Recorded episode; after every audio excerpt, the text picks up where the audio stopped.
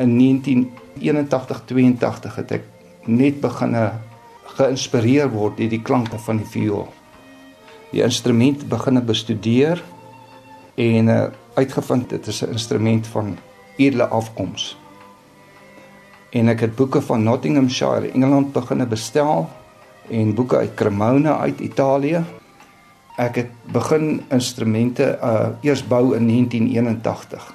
In 1987 toe ek nog steeds by SAL werk het, ek en my vrou en die kinders oorgegaan na Cremona, Italië toe waar ek professor Andrea Mosconi, hy is van die Cremonese professors wat die Stradivari instrumente speel en selfs Guarneri del Giso ook speel.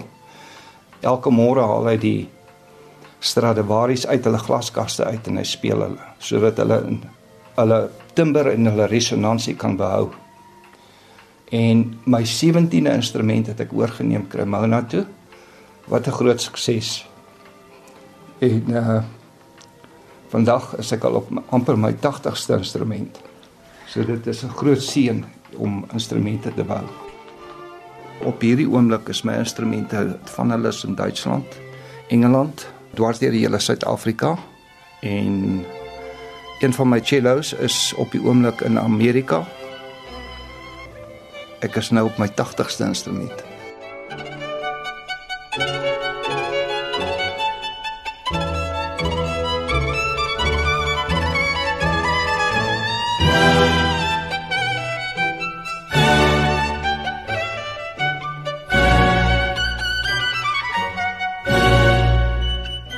Ewardes en hier in jou huis is hierdie pragtige eetkamerkas van Kaapse geelhout en emboya, jou handewerk ook. En hierbo op die rak staan ten minste 7 instrumente in wording.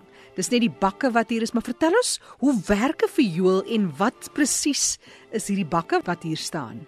Die bak is 'n mechanical um soundbox. Dit's 'n amplifier want die klankpen binne-in is die hart van die instrumente en so ook die basbak. Aan die linkerkant van die instrument as jy van bo af kyk, dan gee dit vir jou die lae klanke. Waar die soundpost, die soul, soos die Franse dit noem, is die klankpen. Sodra die snaar E, D of A of G um, in vibrasie kom met 'n viool, plaas dit die brug in vibrasie. En die klank beweeg deur die brug se voetjies af na die klankpen en laat die agterbak in vibrasie kom. En so begin die bobak in vibrasie kom en dis 'n mechanical soundbox of 'n mechanical amplifier. Verskoon die woord, maar dit is maar hoe ja. die instrument werk. Wat 'n fyn fyn werk is dit.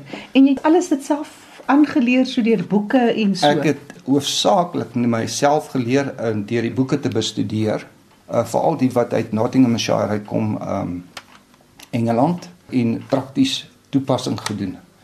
Ek het baie kritisie gekry, maar kritisie bou 'n mens op. So vandag is ek op 80 instrumente waarvan ek nou al baie baie kennis opgedoen het om te luister in die fynste besonderhede hoe daardie instrument moet klink wanneer hy reg is.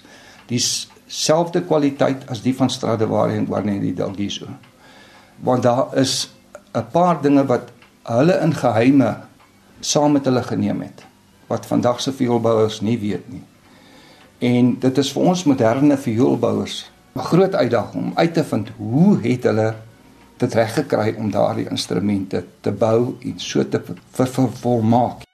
Ek bepaal op my instrument alreeds voordat die bak bo en voordat die bak onder gebou word, die klank, watter potensiaal hy sal hê. Ek gebruik uh, frekwensies deur 'n meter. Ek gebruik uh, die stemvurk. Ek gebruik die oor en die vibrasie van die boog wanneer mense boog stryk teen die bak van die rowwe stuk hout, kan jy wel agterkom wat die frekwensie is. En sodoende daaruit kan jy bepaal het die bak 'n hoë digtheid, het hy 'n lae digtheid, waar is sy swakpunte en waar is sy goeie. Die stres en strains soos hulle noem, speel 'n geweldige rol as jy die bak beweeg ja. in in die klankdravermoë. Ek sal hier 'n bietjie 'n demonstrasie gee in my werkswinkel hoe die dravermoë van so 'n bak wat klaar geskaaf is, hoe hy van 'n redelike lae frekwensie op beweeg na 'n kritieke hoë frekwensie. Dit is die faktor van die vibrasie. van die van Stradivari en Guarneri del Guiso. Fyn besnaard. Dis inderdaad soos dit moet wees. Ja, dit die vioolmaker wat gesels. En die verhaal word vertel van die groot violis Niccolò Paganini. Hy het sy pragtige viool bemaak aan die stad Genoa en daar was wel een voorwaarde gewees en dit is dat niemand die viool mag speel nie. Die hout van so 'n instrument verweer baie min wanneer dit hanteer en bespeel word, maar wanneer dit nie hanteer en bespeel word nie, dan verrot dit baie gou. En so is Paganini se viool deur die wurms gevreet en is 'n verrotte oorblyfsel. Tarin Oosthuizen is die musieksamesteller hier by RSG en sy speel ten minste 3 instrumente waarvan die viool haar heel gunsteling is. Ek wil by haar weet oor hierdie besondere klein instrument, hoe dit ingespan word om spesifieke atmosfeer of dan 'n gemoedstoestand te skep en hoe sy haar verhouding met die viool sien. Um, elke instrument word deel van jou. 'n tipe van 'n 'n um, verlengstuk van jou eie emosie en van jou eie lyf. So praat 'n instrument met jou en so die viool met my gepraat. Ehm um, en ek is seker enigiemand anders wat 'n ander instrument speel sal dieselfde sê. En 'n viool kan nogal 'n klarige of 'n klaande of 'n Ja. instrument wees. Dit kan klink asof dit soos 'n kat is wat vermoor word of uitmekaar uitgetrek word. Vir alles jy seker in jou in jou beginstadium. Daai kinders wat twinkle twinkle little stars speel. O, oh, jou ore pyn party daar. Maar soos wat jy dan nou leer en groter word en meer emosionele volwassenheid bereik, so begin jou spel in in die musiek wat jy dan nou speel groei saam met jou, nê. Nee, so jy kan dan jou viool laat klink na iets wat huppelend is, wat bly is. Daar's regtig verskillende tipe musiek wat jy kan sê, o, so klink dit as 'n viool regtig so speel dat hy aan die brand is dat die vlamme op hom uitstaan. Of 'n baie treurige stuk musiek wat regtig emosies in jou wakker maak wat sommer sonder dat jy graag wil dat die trane loop. Die ehm um, tema uit Schindler's List wat die viool speel.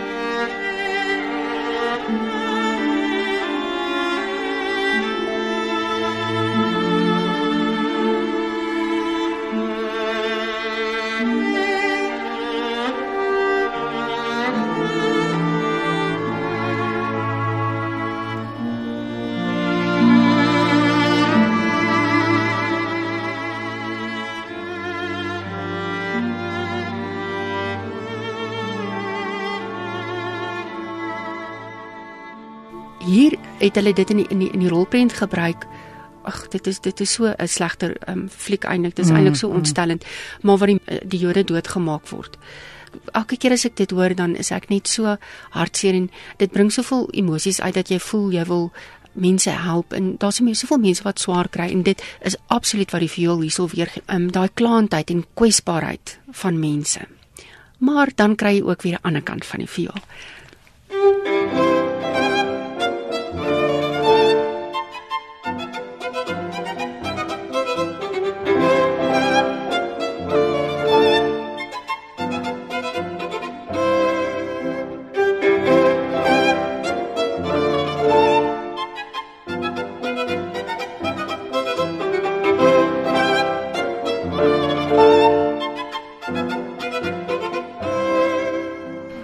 Hier wil jy nou net jou voete stamp en dans saam met die viool. En en dit is die twee uiteenlopende kante wat een instrument, net een instrument vir jou kan gee. Van sy laagste G net onder middel C tot een van die hoogste note wat dit vir jou voel jou vinger druk in jou oog heel bo op die vierde snaar. Daar is net vier snare, maar met daai vier snare en jou strykstok wat jy op verskillende maniere kan gebruik of selfs pizzicato met jou vingers pluk op die snaar, kan jy soveel klanke maak en kan jy soveel emosies in mense wakker maak. En dit is wat 'n instrument spesiaal maak en wat musiek spesiaal maak, want dit spreek tot ons elkeen.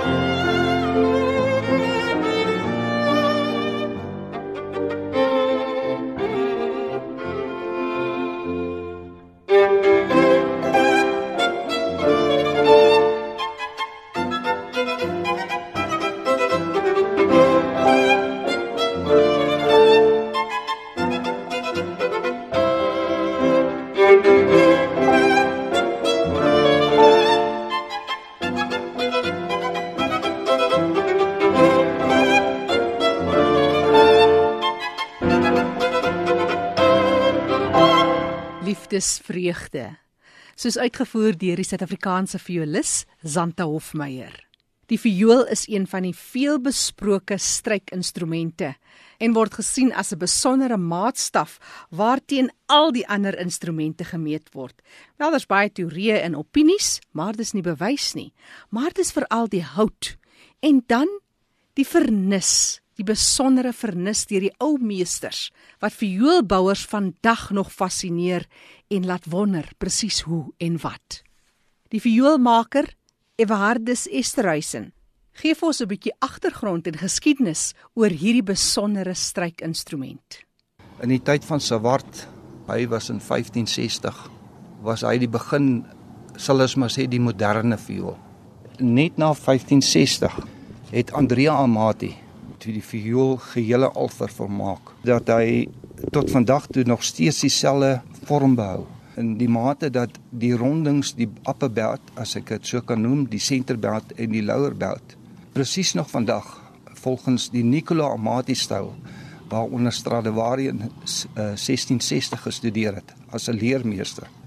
En toe het hy agtergekom dat as hy die instrument 'n bietjie rapsie kleiner maak dan kry jy 'n beter resonansie en 'n beter volume lug binne in die instrument. Guarneri del Guiso is ook een van die beroemde instrumentbouers van daardie tyd.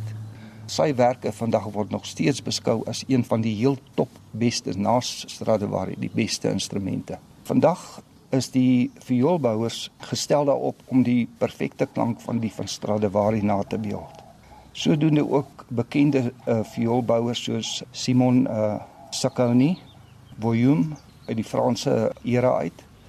En hulle het dit so goed gekopieer dat kenners uh, dit beskou het as 'n uh, amper Stradivari. Van hulle is so goed dat hulle Stradivari se instrument in uh, gechallenge om Stradivari meeste stuk te verbeter. Party kenners het gesê nee, die moderne instrument is beter alhoewel hulle agter 'n doek gespeel het om hierdie instrumente vas te stel wat is die beste klank die moderne mens het gekies dat die viool soos hy uh, vandag bekend staan van hulle is beter as die van Stradivari maar Guarneri d'Acquisto het ook baie baie goeie instrumente gebou.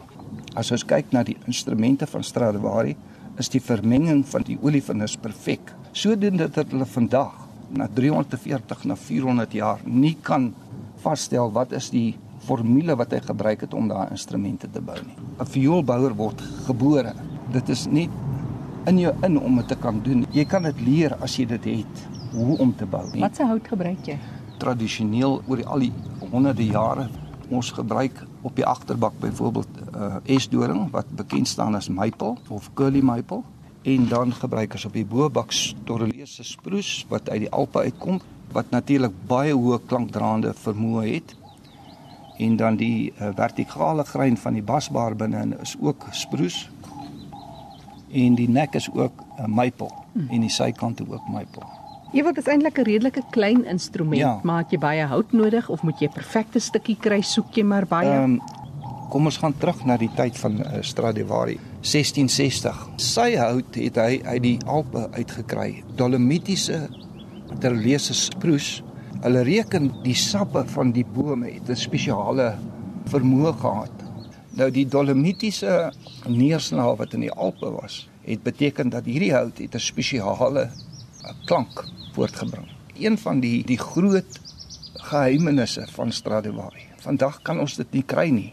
Dit was 'n sekere tyd en hulle reken dat Stradivari en Guarneri d'Algiso het um, ook die roeispane gebruik van die ou skepe en selfs die deure van die kathedrale het hy ook gebruik om viole mee te skep. En vandag het wetenskaplikes dit onder intense uh, laboratorium toetse gedoen dat sy instrumente, die greine of sal ek sê die kanaaltjies by die water dra vir die boom was oop kanale. Die sappe het is meestal uit. Met ander woorde, daar's nie resin of harpuis oor in die hout nie moderne instrumente het nie die kwaliteit hout wat hulle gehad het nie. Ongelukkig.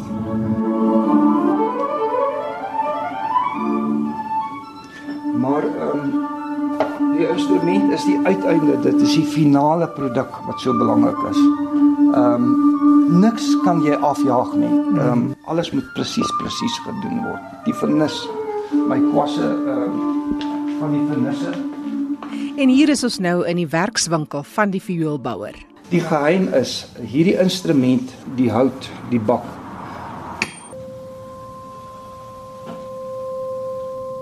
Die frekwensie raak al hoër. Al na die middel toe. Ek gebruik 'n C-stem vurk.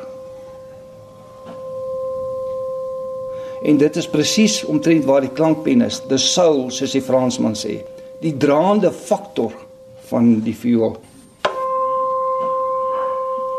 Daar is hy nog op sy op sy sterkste. En weet jy wat is so fantasties omtrent die instrument? Wanneer ek die instrumente bou en ek speel die vioolmusiek, in my hand begin die instrument vibreer. Hy is soos 'n klankboks. Hy penetreer en hy vibreer. Jy kan voel as jy vioolmusiek in die agtergrond het. Hy vibreer letterlik in jou hand.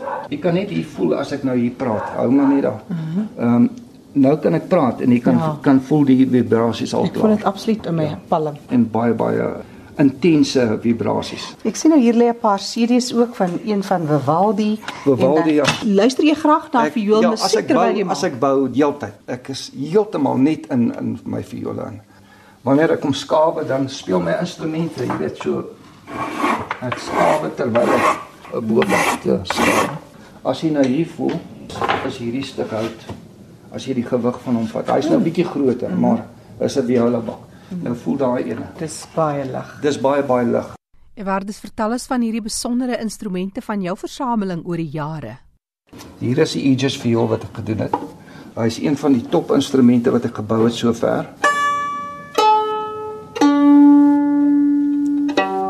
Ehm um, die moontlikheid om 'n instrument te vervolmaak om die dravermoë sterk te hou. Dit is alles 'n fyn fyn detail tegniese faktore Hy is gebou in, in 1987, dieselfde jaar toe ek Cremona, Italië toe is.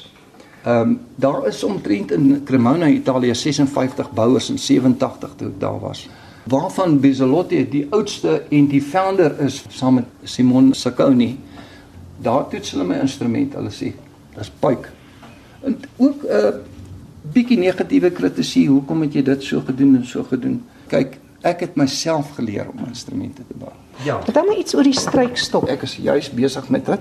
'n Strykstok is basies reguit wanneer jy hom begin bou. Hy word oor 'n vlam gebuig met stoom dat hy hierdie ehm uh, buiging het. Strykstok bou is 'n tegniese aspek van 'n ambag op sy heeltemal op sy eie. En sodoende word dele van die boog afgeskaaf wanneer hulle hom toets om die regte vermoë te hê om daai instrumente te bespeel. Jy het nooit self geleer viool speel nie. Um, kyk, jy kan of 'n vioolspeler wees of jy kan 'n bouer wees. Selfs soos die alles wat die bo bou. Mm. Ehm um, ek leer my instrumente deur hulle op my leertone op en af te beweeg en ek luister na die klank. So dit is uh, draande faktore wat tot 'n goeie instrument lei. Hoeveel instrumente is daar wat jy mee ehm, besig? Uh, hier is uh, 13. Ek is nou nog besig met violas en dan nog viole. Ehm uh, maar ek wil jou graag daai een spesifieke ene gewys het. Ehm um, hierdie is byvoorbeeld O, oh, dis besonder. Op die sykante het hy die inlegwerk gedoen met die ebony inlay. Nou vandag se bouers teken dit in. Hierdie is ook ingelê met ebony poeier. Absolute fyne. Dit is die ehm um, die springbokkie ja, in my en by hom is dit die tier en dan die stelicia om dit reg Suid-Afrikaans te maak. Maar jy sal nou sê, hoekom staan hier instrument nou soveel jare al wat ek hom nou onlangs klaar gemaak het? 1989 het ek hom begin bou. Liewe genigtig. So, um, hierdie instrument het nou soort van behoue gebly. 30 jaar later. Ja.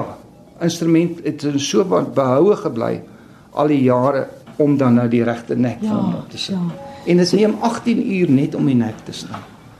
En ek het nou ehm um, al 17 instrumente se nek in twee violas wat ek nou besig is mee. En hoe verskil die viole nou van die viool?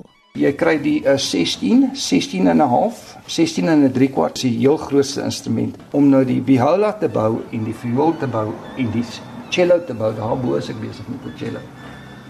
Al die instrumente se basiese faktore is timbre, resonansie en harmonie van klank. Die volume lig, dit is wetenskaplik. Dit is so belangrik om 'n instrument te bou met die regte volume lig. So selfs die tyd van Nicola Amati en die van Andrea Amati het hulle ook maar geëksperimenteer om die regte klank voor te bring.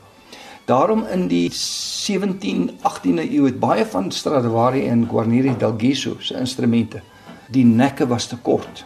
Met ander woorde, sou hulle in groot sale soos Carnegie Hall in uh, Engeland of waar ook al speel, dan het hy te min klank om die klank tot by die gehoor uit te dra. Daarvoor het hulle die langer neklengtes gemaak en die neklengtes het bepaal dat die klank hoër is. Dit is standaard 13 duim. Ek moes nie instrumenttegnikus geword maar vioolbouer. Maar daar seker iets in wat dit in gemeen het as ek nou kyk na al hierdie berekenings op jou vorm wat jy hier het. Ek het 'n instrumentwerkswinkel gewerk vir jare en instrumente reggemaak van Boeing 747 737's. Daardie verfynheid in die kuns. Dit is presies hoe ek in die viool bou amper soos ingewerk. Hmm. As jy nou die dag nie meer hier is, wat gebeur met al hierdie wonder um, man, en waardevolle uh, uh, instrumente? Ja, my uh, tweede oudste seun, hy is baie geïnteresseerd in vioolbou. Sy naam is Rian. So ek hoop en bid nou maar een van die kinders of kleinkinders gaan aan. En is daar 'n mark? Ek het ehm um, 43 instrumente al verkoop, maar my instrumente is goed. Ek sê dit self. Ek kan die klank bepaal. So hierdie is word genoem 'n kopie hier van 'n Stradivari. Jy kan sien die vlamme op hom. O, oh, dis mooi. Wat se hout is dit? Dit is ook maple. En hierdie instrument is in 1721 gebou. Nou het ek foto's geneem en dit na Christie's in Londen gestuur. Toe sê hulle vir my nee, dit is nie 'n Stradivari, maar ek glo vas dit is 'n Stradivari. 'n Stradivari een oogie is altyd op die skrul laer as die ander ene, byvoorbeeld. Die sykante, die bobak baie baie baie goeie klank. Dan het ek ander ene hier. Uh, dit kan miskien 'n Rogeri wees uit die 1670s. En my instrumente aan die binnekant. Ek het nou nie een wat oop is nie. Ek sit die kruis en dan die PX Broeders in Christus onderaan. Ook Everardus Israelsi, Fidiaco Fidias Fisi, South Africa, anno 1981. Met ander woorde Everardus, Estrasie is my naam ja. en van Vidiaki gebou in Suid-Afrika. Finis Konradopus is my skoollese. Die einde kroon die taak. Weet wanneer ek so met die instrument werk dan dan kan ek hom voel. Die hout lewe, dit hmm. lewe werklik. Maar dit is met die hand gaan maak. Behalwe die snare. Die verstel knoppies. Ek koop dit. Maar alles verder alles moet met die hand gemaak word.